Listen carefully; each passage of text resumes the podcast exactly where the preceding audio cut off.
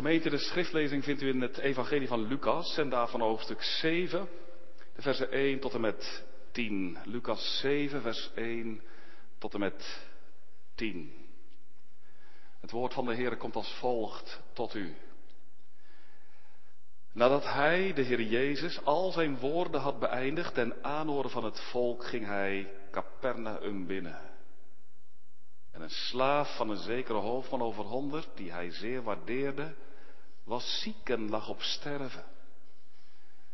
En toen hij over Jezus gehoord had, stuurde hij de oudste van de Joden naar hem toe en deze vroeg hem te komen en zijn slaaf gezond te maken. Toen die bij Jezus gekomen waren, smeekte ze hem indringend en zeide, hij is het waard dat u dat voor hem doet, want hij heeft ons volk lief en heeft zelf een synagoge voor ons gebouwd. En Jezus ging met hem mee. Maar toen hij niet ver meer van het huis was, stuurde de hoofdman enkele vrienden naar hem toe om tegen hem te zeggen, Heere, doe geen moeite, want ik ben het niet waard dat u onder mijn dak komt. Daarom heb ik ook mijzelf niet waard geacht naar u toe te komen. Maar spreek één woord en mijn knecht zal genezen zijn. Want ik ben ook iemand die onder gezag van anderen gesteld is en heb zelf soldaten onder mij. Ik zeg tegen de een ga en hij gaat en tegen de ander komt en hij komt. En tegen mijn slaaf doe dat en hij doet het. Toen Jezus dit hoorde, verwonderde hij zich over hem. En hij keerde zich om en zei tegen de menigte die hem volgde, ik zeg u, ik heb zelfs in Israël zo'n groot geloof niet gevonden. En toen zij die gestuurd waren in het huis waren teruggekeerd, vonden zij de zieke slaaf gezond. Tot zover de schriftlezing. Gemeente, tot tweemaal toe lezen we in de evangelie dat de Heer Jezus zich in zijn leven op aarde heeft verwonderd. Hij, in wie alle wijsheid is, roept op twee momenten in zijn leven, waarvan we dat weten, uit hoe is het mogelijk? Hoe bestaat het? De eerste keer treffen we dat aan in het evangelie van Marcus. Heer Jezus heeft onderwijs gegeven, woorden gesproken maar hij merkt, die woorden doen geen kracht. Die stuiten af op harde harten. En dan tekent Marcus op in hoofdstuk 6, vers 6. En Jezus verwonderde zich over hun ongeloof tweede keer dat wij lezen van de verwondering in het hart van de zaligmaker is in het gedeelte dat we samen zojuist hebben gelezen. Lucas 7, vers 9, de tekst die voor ons ligt. Toen de centurion, de hoofdman over honderd, bij hem kwam en uitriep, ik ben het niet waar dat u onder mijn dak inkomt, maar spreek slechts één woord. Lucas zegt, toen Jezus dat hoorde, verwonderde hij zich. Verheugd riep hij uit, zo'n groot geloof heb ik zelfs in Israël niet gevonden. Verwondering bij de heiland. En in beide keren gaat het over wat zo belangrijk is, het geloof. De eerste keer over niet geloven. En dan verwondert hij zich in droefheid. De tweede keer over welgeloven. En dan springt zijn hart op van vreugde. Toont ook aan hè, dat de Heer Jezus, die waarlijk God is, ook echt waarlijk mens is. Een mens met emoties en een mens ook met gevoelens. Een mens die werkelijk zich kan verbazen en zich kan ontzetten. Vanmorgen letten we op het geloof van de Romeinse centurion. En ook op dat wat er onlosmakelijk aan verbonden is. Vernedering. Ootmoed. veroordeling. want dat is wat opvalt vanmorgen. Tot tweemaal toe zegt hij dat hij het niet waard is dat de Heer Jezus hem helpt. Vers 6, ik ben niet waard dat u onder mijn dak inkomt. En vers 7, dan zegt hij het nog een keer, ik ben niet waard naar u toe te komen. Dat hoort kennelijk bij elkaar. Geloof en zelfvernedering.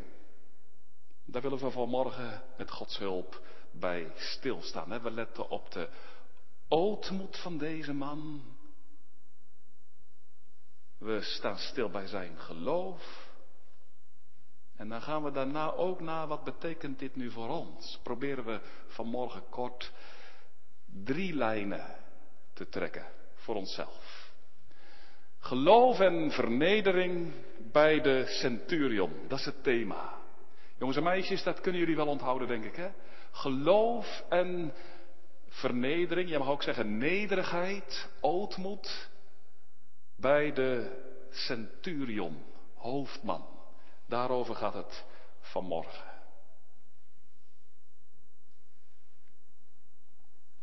Gemeente, de centurion is in grote nood. Want zijn dienaar is ernstig ziek. Die ligt op sterven. Hij heeft de dood voor ogen en het duurt niet lang meer. Of deze man zal zijn laatste adem uitblazen. Aangrijpend. Dat raakt de centurion diep. Hij is nauw aan deze dienaar verbonden. Hij is zeer op zijn knecht gesteld. Wie deze centurion is en hoe hij heet, dat weten we niet. Maar wat we wel weten is dat hij als officier in dienst is van de Romeinse keizer, van het Romeinse Rijk. En dat hij is gestationeerd in Capernaum, handelsstad gelegen aan de oevers van de zee van Tiberias. En hij draagt verantwoordelijkheid voor de orde en veiligheid van de stad. Hij geeft leiding aan een cohort van honderd goed getrainde militairen. Vermoedelijk woont de centurion al geruime tijd in Capernaum. En hij is vertrouwd ook geraakt met de gewoonten van het Joodse volk. Hij is in aanraking gekomen met hun geschriften. Met de Tenach, het Oude Testament, het woord van God. En dat woord van God heeft zoveel indruk op hem gemaakt, zoveel beslag op hem gelegd.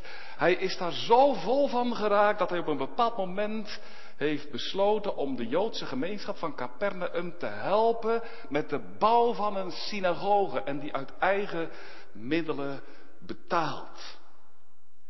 Hij veel op met het volk van het woord. Hij gaf hen een huis van het voor het woord. Deze man is niet onbemiddeld, woont vermoedelijk in een mooie woning, samen met zijn gezin en, naar de gewoonte van die tijd, ook enkele slaven en slavinnen. En nu is een van zijn slaven, een van zijn dienaren ziek. Die verkeert in zijn uiterste. De dood is nabij.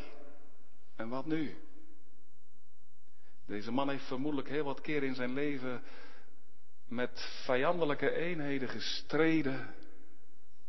Maar nu de dood in het vizier komt, staat hij machteloos. Wie kan deze vijand keren? Eén is wat die man gelooft. Eén. Jezus. Die kan het. Daar is hij diep van doordrongen geraakt. Jezus is er toe in staat. Jezus is er toe bij machten. Vers 3. Toen hij over Jezus gehoord had, stuurde hij de oudste van de Joden naar hem toe. Hij heeft tijdens het ziekbed van zijn dienaar over Jezus gehoord. Iemand, wie dat weten we niet precies, heeft hem over de Heer Jezus verteld. Over wie hij is, over wat hij doet, over zijn persoon, over zijn leer, over de wonderen die Jezus verricht. En ho, woord dat hij over de Heer Jezus heeft gehoord, is bij hem naar binnen gegaan. Dat heeft kracht bij hem gedaan. Dat heeft bij die man diep in zijn hart de overtuiging gewekt. Ik moet bij Jezus zijn. Bij Jezus. Bij niemand anders. Hij heeft niet veel over de Heer Jezus gehoord. Maar wat hij heeft gehoord, dat heeft zijn hart werkelijk in vuur en vlam gezet. En in zijn hart leeft maar één verlangen. Om met zijn nood toevlucht te nemen tot deze Heer Jezus. En hij is er rotsvast van overtuigd. Niemand kan redden. Niemand van de mensen in Capernaum. Op één na. Eén kan verlossen. Jezus. Nou man, ga naar hem toe. Ga gewoon naar hem uit. Zo ligt dat niet bij deze man. Dat ligt bij deze man heel teer. Het lijkt hem veel gepaster dat de oudste van de Joodse gemeenschap in Capernaum in zijn naam naar Jezus toe gaan. Hij is, hij is heide, per slot van rekening.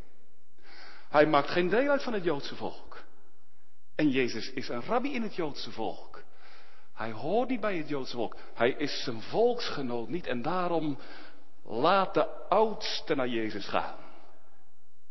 De presbyteros staat er in het Grieks.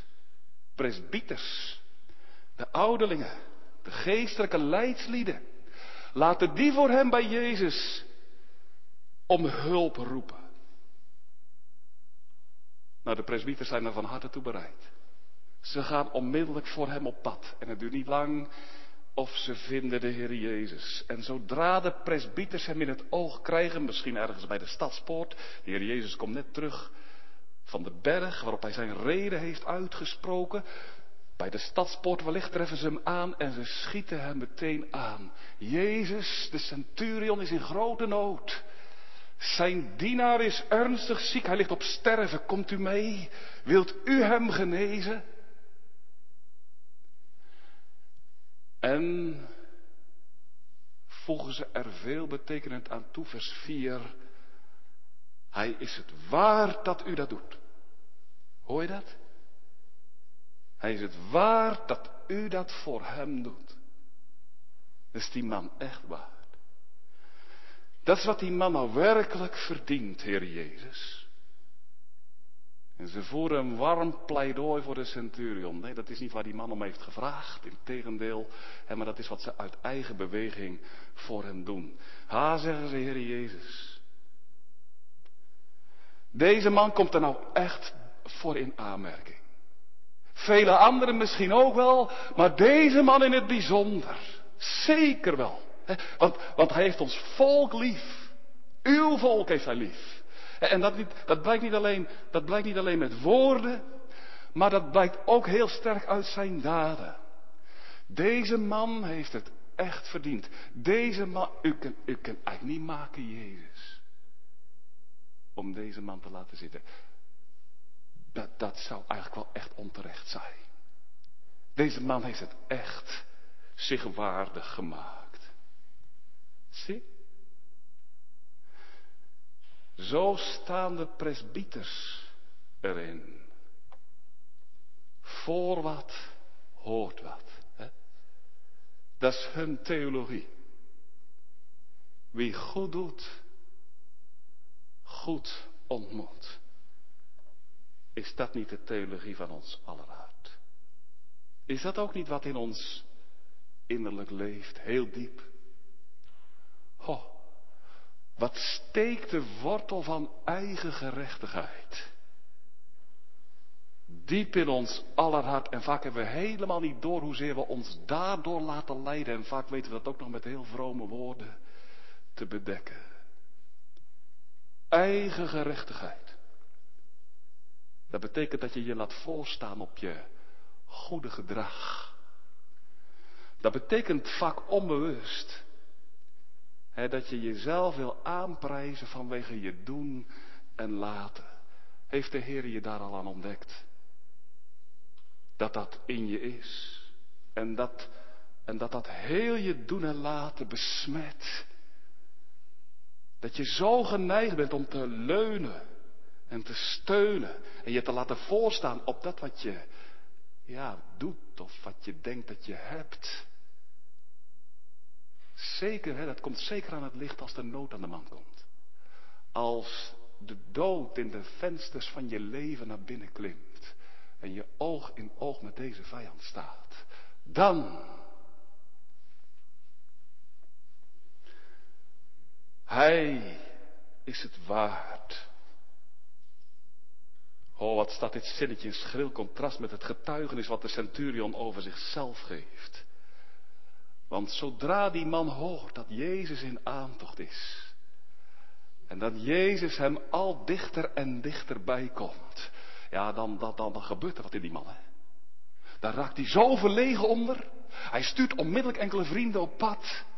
En die moeten in zijn naam tegen de Heer Jezus zeggen, vers 6, daar lees je het. Heere, neem de moeite niet. Want ho, ik ben het niet waardig dat u onder mijn dak inkomt. Hoor je dat? Neem de moeite niet, Jezus. Dat ben ik niet waard. Dat heb ik niet verdiend, dat u naar mij zou komen. Om stil van te worden. Wat een nederigheid. Wat een ootmoed. Wat denkt deze man, een van de meest vooraanstaande in Capernaum, gering over zichzelf. U onder mijn dak. U, dat zou zo groot zijn. Het grootste. Dat zou zo kostbaar zijn. Zo, zo heerlijk. U bij mij, dat is het aller, allerheerlijkste. Maar o Jezus, ik ben het aller, allergeringste nog niet waard. Hij is compleet rechteloos.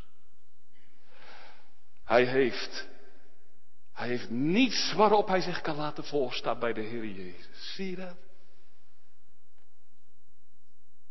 Doe geen moeite.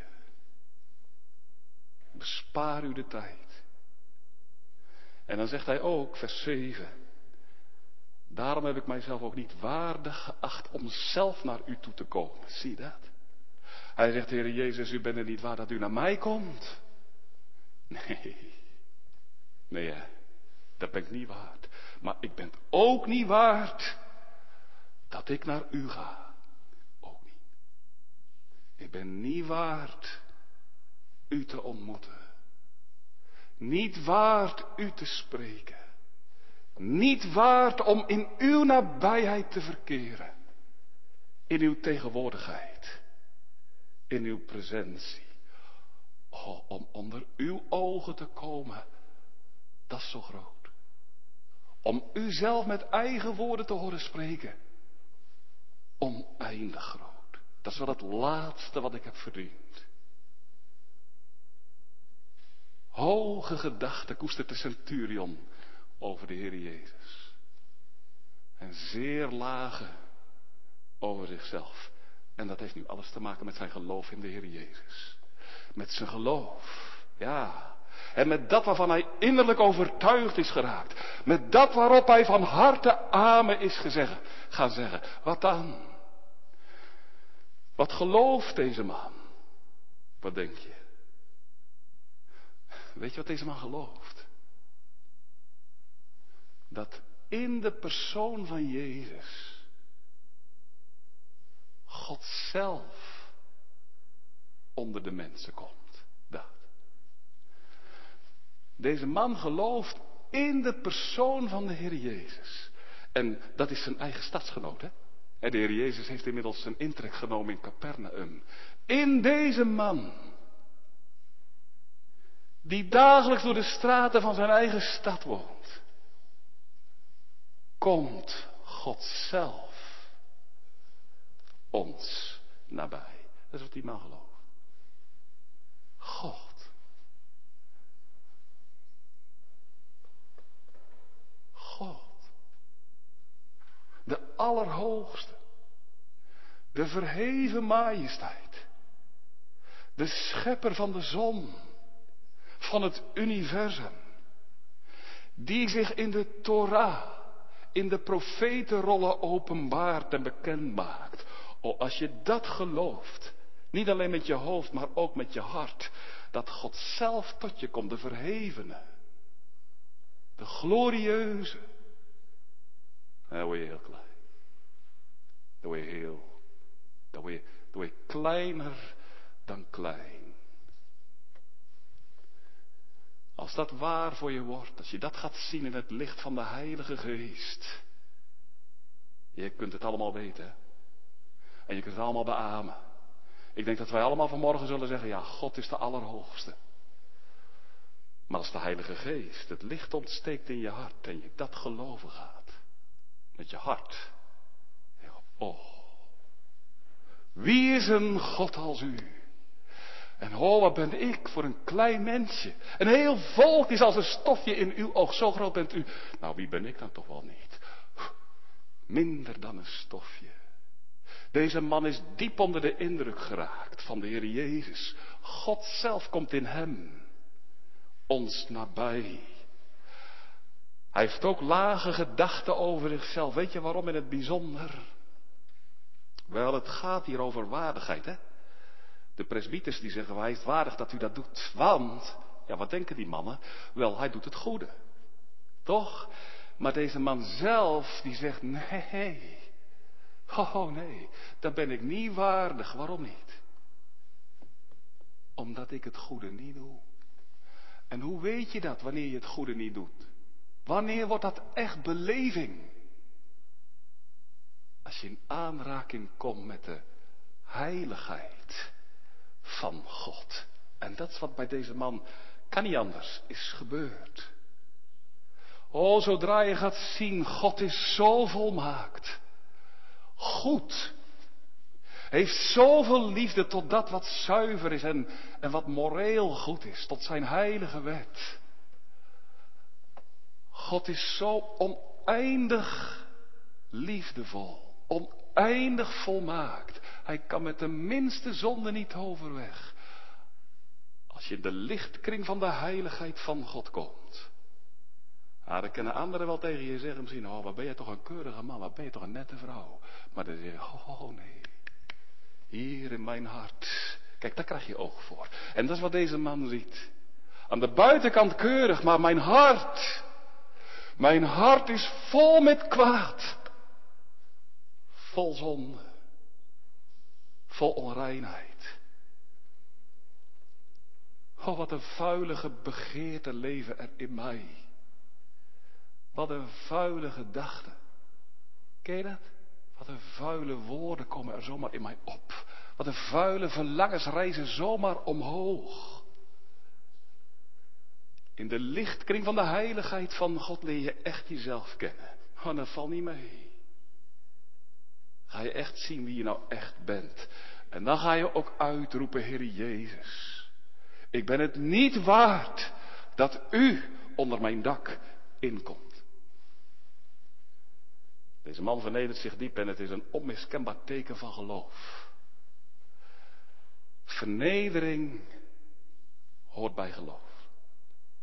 Vernedering gaat hand in hand met geloof. Als er geloof is, hoe gering ook, dan is er ook ootmoed. Zelfaanklacht. Zelfveroordeling. En hoe groter het geloof, hoe meer vernedering. En hoe meer dat je jezelf veroordeelt. En hoe, hoe, helderder, hoe helderder je het ziet. Ik ben het niet waard. Ik ben het niet waard.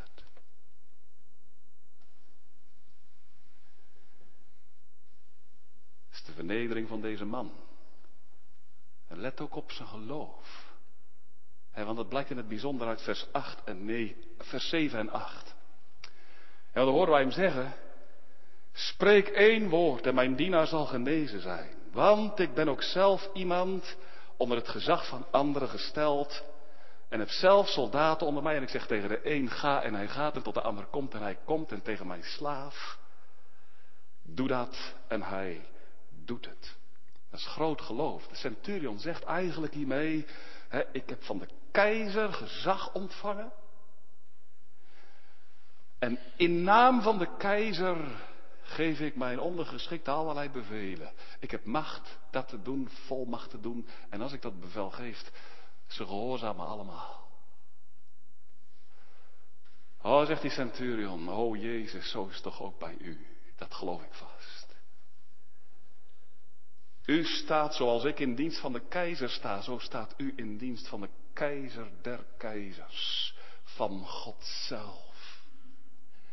En in naam van deze God doet u bevelen. En op gezag van deze God geeft u bevelen. En al wie van u een bevel krijgt, u hebt zoveel macht, ze zullen u onmiddellijk gehoorzamen. Wie ook, welke macht ook. U regeert. U gaat over alle machten, zelfs over de macht van de dood. Deze centurion gelooft. Jezus heeft goddelijk gezag en, nou, hij hoeft maar te spreken of het gebeurt. En één woord of zijn dienaar zal gezond worden. Dat is een groot geloof. Blijkt ook uit het feit dat hij ervan overtuigd is. Hij zegt, dat is ook een teken van groot geloof. Hij zegt, u hoeft niet te komen, Heer Jezus. Ik geloof dat u mijn dienaar kan genezen. Dat zegt hij ook, hè. Ik geloof dat u hem kan genezen, ook als u er niet bij bent. Dat ook. Heer Jezus, als u niet komt, u hoeft mijn dienaar niet aan te raken.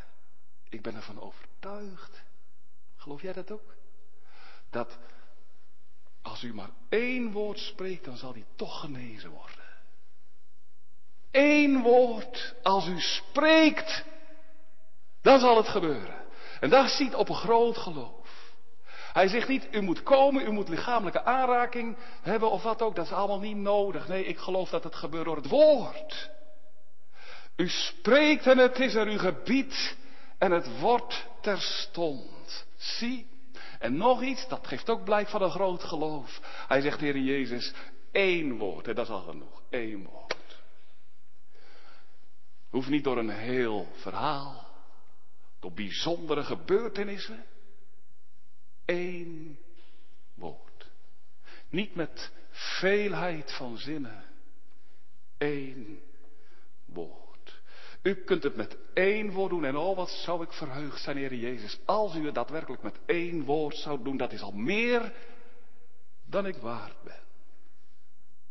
Groot geloof. Zie, deze man heeft hoge gedachten over de Heer Jezus, over zijn macht en ook over zijn gewilligheid. Dat ook. Hij ziet zichzelf, hè? zijn zonde, zijn ellende, al wat in zijn hart omgaat. En toch, en dat is zo kostbaar, toch gaat hij uit naar de Heer Jezus. Toch laat hij zijn vrienden naar de Heer Jezus gaan. Hij zegt, en toch geloof ik, Heer Jezus, dat u gewillig bent. Toch wel. Dat u ook mij wil helpen. Ook mij uitkomst wil geven. Niet omdat ik dat waardig ben, omdat u zo goed bent. Omdat u zo vol van barmhartigheid bent. Omdat u zo vol van genade bent. Dat is wat ik vast en zeker geloof. Bij u is enkel genade. Bij u is een bron van genade. Genade die we niet hoeven te verdienen, die we ook niet kunnen verdienen. Maar genade die u uit enkel goedheid en eigen bewogenheid uitdeelt. Ik ben het niet waard. Oh, als de Heer Jezus deze woorden hoort, dan verwondert hij zich. Zo'n groot geloof, zegt hij. Nooit eerder aangetroffen. Hoe kostbaar. En dan keert hij zich om. En dan zegt hij tegen de scharen. Horen jullie dit? Zien jullie dit? Wat ik bij deze man aantref.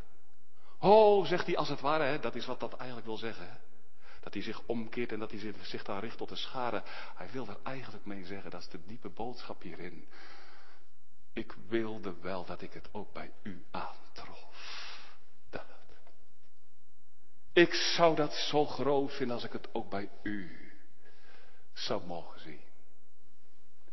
Dat is waar ik nou echt naar verlang. Mensen in die tijd, maar ook vandaag, als hij u ziet hier in de kerk en als u thuis meeluistert. Dit is wat mij verheugt. Dit is wat ik zo graag zie. Ik zou het ook zo graag bij u aantreffen. Nu de vraag die ik in naam van deze meester u vanmorgen en jou wil vragen. Kan de Heer Jezus dit ook bij u aantreffen? Vindt Hij dat ook bij u? Kun je het zelf, als je terugkijkt in je eigen leven, kun je het dan vinden? Hoge gedachten van de Heer Jezus. Lage van jezelf. Zijn er in uw leven momenten waarop je werkelijk mocht uitroepen met een verbroken hart. Ik ben het niet waard. Oh nee, ik ben het niet waard. Als ik zie wie de Heer Jezus is, als ik zie wie ik zelf ben, dat heb ik nou ten ene male niet verdiend dat de Heer Jezus mij de hand zou reiken. En dat je toch tegelijkertijd ook uitriep. O Heer Jezus, maar ik kan niet zonder u. Gena, gena. Ben het niet waardig. Daar stuurt de Heer in je leven op aan.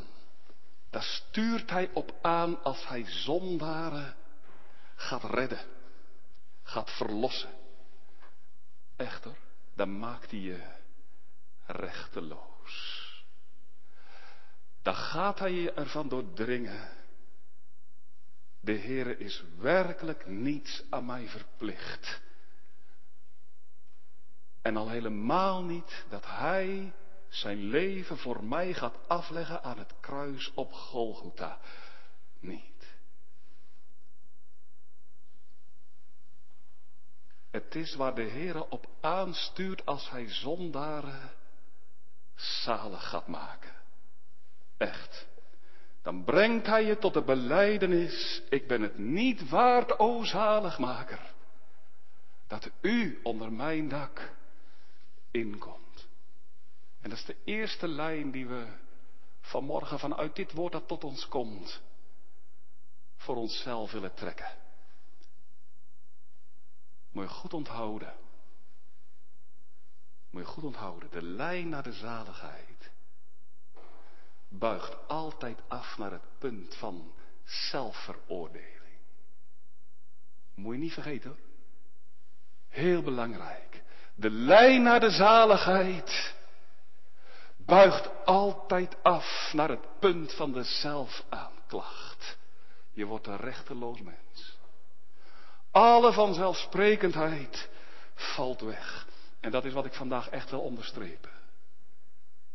Van groot belang.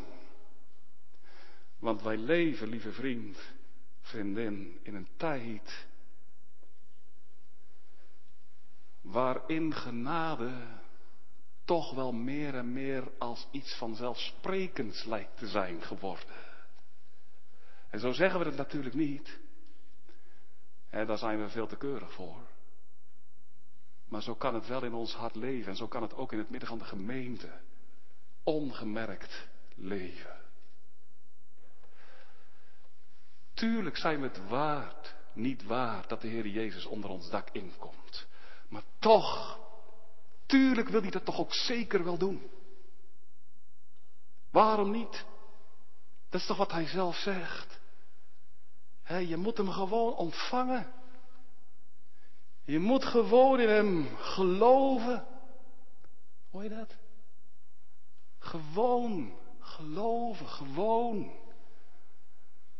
Alsof het niet het aller, allergrootste wonder is. Dat de Heer Jezus Christus in je leven komt.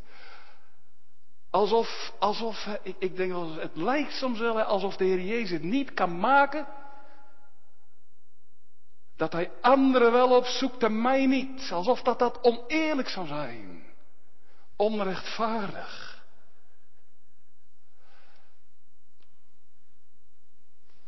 Wat meer en meer vat op ons lijkt te krijgen. Is, en, en, en, en dat vind ik echt zorgwekkend.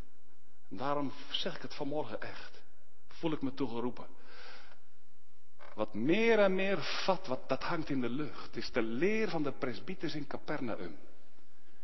Ken je hun manier van denken? Weet je wat ze zeggen? Door genade zijn we kinderen van het verbond. En we blijven kinderen van het verbond door het goede te doen. En dat is een denken dat proef ik ook in de gereformeerde gezinten meer en meer in ons eigen land. En dat vervult met vrees. wij zijn kinderen van het verbond. Wij horen bij God. Tuurlijk. En dan moet je gaan ontdekken of dat het geloof ook iets voor jou is, of dat het bij je past. en, nou, als je dat dan ook vindt, probeer wat netter te gaan leven, doe je best. En dan, ja, dan mag je er toch eigenlijk wel van uitgaan dat het niet meer verkeerd kan gaan. Zorgwekkend. Dat je, dat je gaat geloven, hè, dat je denkt dat je gelooft, zonder ooit te hebben gebogen voor God en zonder ooit van harte te hebben beleden. Ik ben het niet waard. Ik heb gedaan wat kwaad is in uw ogen. En daarom ben ik, Heer, uw gramschap dubbel waard. En het is wat de Heer niet wil. Hè, dat je over dit punt heen stapt. Punt van de zelfaanklacht. Het punt van de zelfveroordeling. Dat is nu wat de Heer juist zo graag ziet. Dat je het oordeel van God over je leven uit u geen goed meer. U bent veroordeeld. Dat je dat oordeel van God in je leven niet wegschuift. Maar dat je dat bijvalt.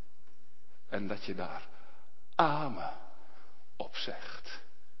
Echt. En daarom, in het licht van Gods woord, ken jezelf. Zoals deze centurion zichzelf kende. we zijn er erger aan toe dan dat we onszelf voor mogelijk kunnen houden. En we hebben maar lichte bevattingen over wat zonde is. We zien er maar een stipje van. Zonde is vele malen afschuwelijker dan dat je denkt. Je trapt er de Heer mee op het hart. Je onteert hem ermee. We onteren ermee. O, laten we dat onder ogen zien. En laten we beseffen dat de Heer werkelijk niets aan ons verplicht is. En weet je wanneer je dat nu echt van harte gaat zeggen? Als je aan de voeten van de Heer Jezus bent. Als Hij je roept. En Hij legt je neer aan Zijn gezegende voeten. O, je mag op Hem zien. En vast geloven dat Hij de weg ook voor jou naar het kruis gaat. Weet je wat je dan uitroept? Ken je dat in je eigen leven? Zo kostbaar. Daar zeggen, o Heer Jezus, als er nu iets is wat ik niet heb verdiend en wat u toch doet, is dat u ook voor mij die weg gaat. Wat ik waardig ben, Heer Jezus. Je dat in die ogenblikken als je aan de voeten van de Heer Jezus zit? Dat zijn geen benauwde ogenblikken hoor, dat zijn kostbare momenten. Geen leed kan ze uit je geheugen wissen als je daar terecht komt. Dat je zegt, Heer Jezus, wat bent u goed voor mij, onuitsprekelijk goed voor mij. Als u mij zou wegdoen, dan doet u geen onrecht. Ja? Dan wil die werken in je leven. Echt waar.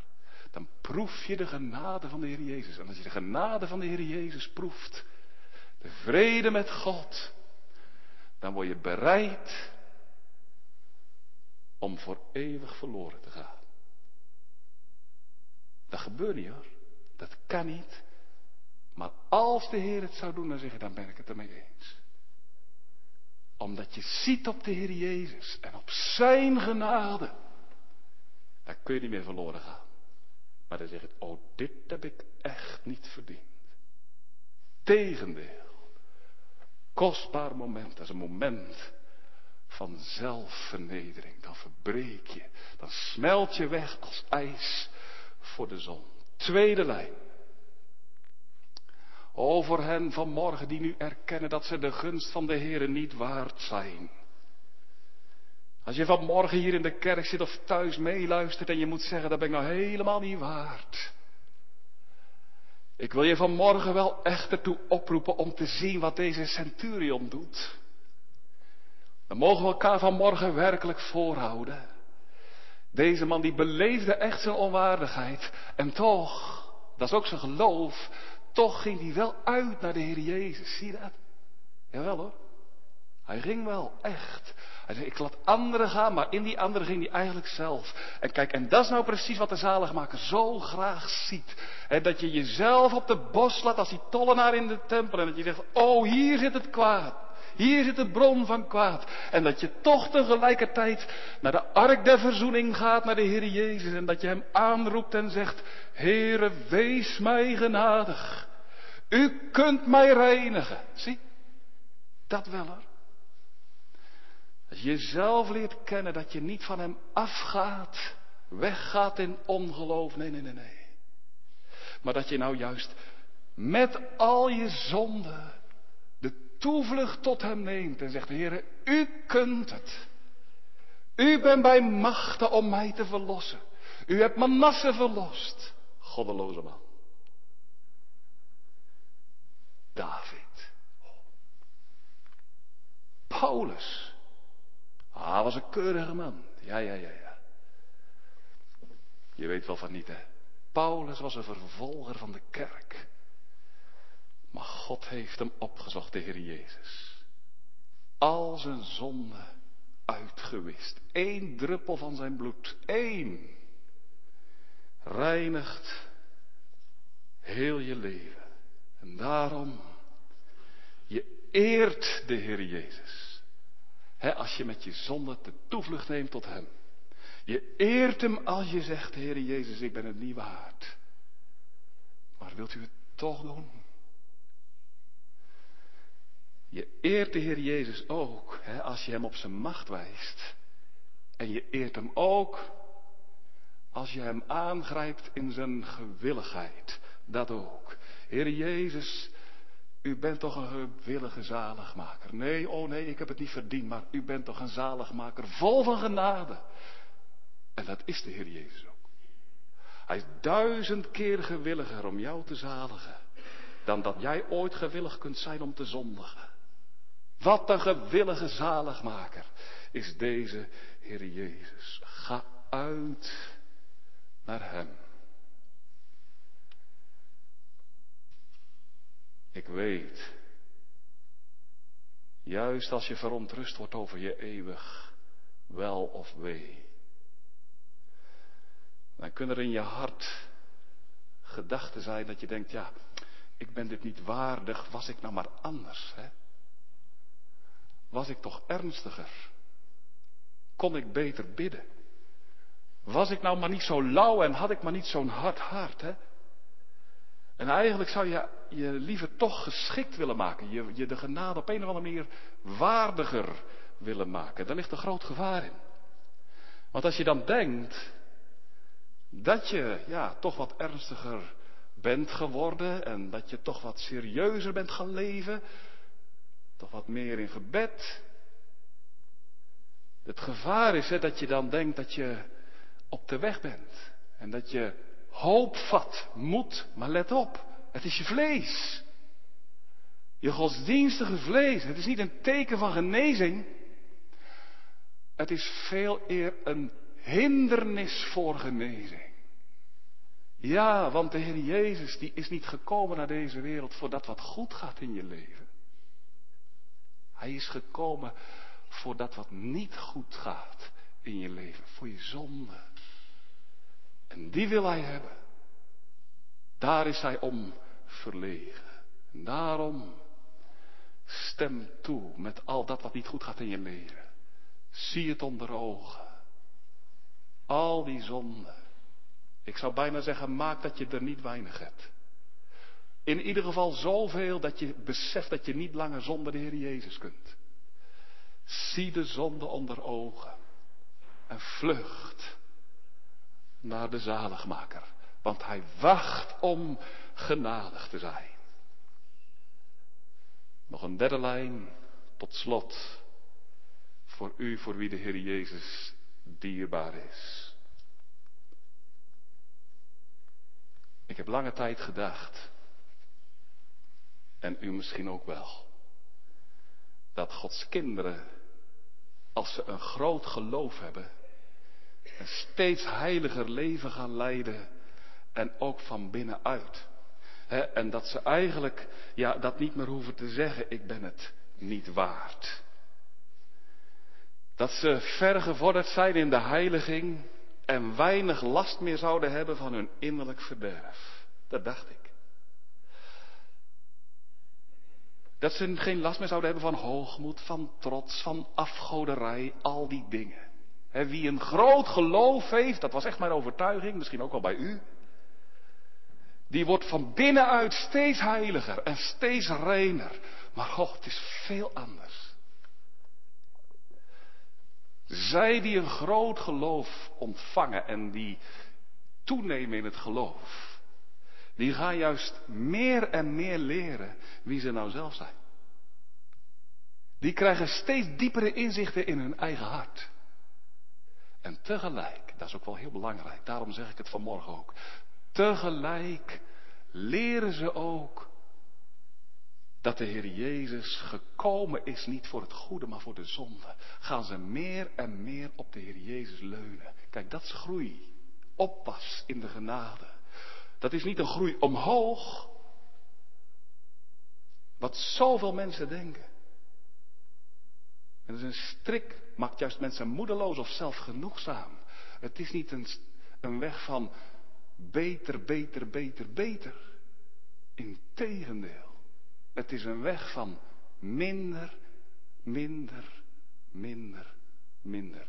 In eigen oog wordt je de genade steeds minder waardig. En tegelijk mag je ook zeggen, voor zulke is nu juist toch de genade. Halleluja. Heer Jezus, wat een zaligmaker bent u. Groei in het geloof is een groei in de diepte. Meer zelfkennis. Graaf maar dieper. U zult meer gruwelen tegenkomen. Op dat, op dat, op dat de Heer Jezus al heerlijker en heerlijker en heerlijker voor je zal worden. Ik wil eindigen met een gedicht van John Newton.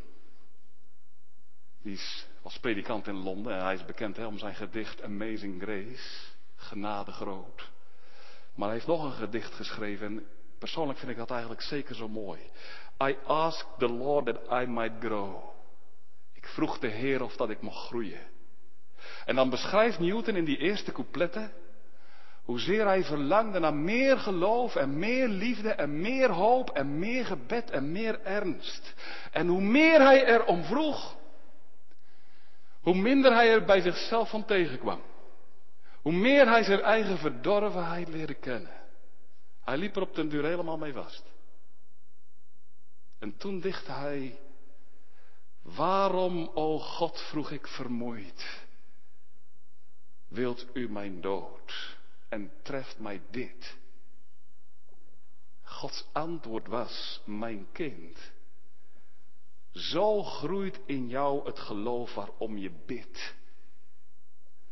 De innerlijke strijd verbreekt je zelfzucht en je je hoogmoed. En zo vestig je je hoop op mij. O vestig je hoop op de Heer Jezus. Zet je neer aan zijn gezegende voeten. Wat een zaligmaker is hij. Beminnelijk vorst.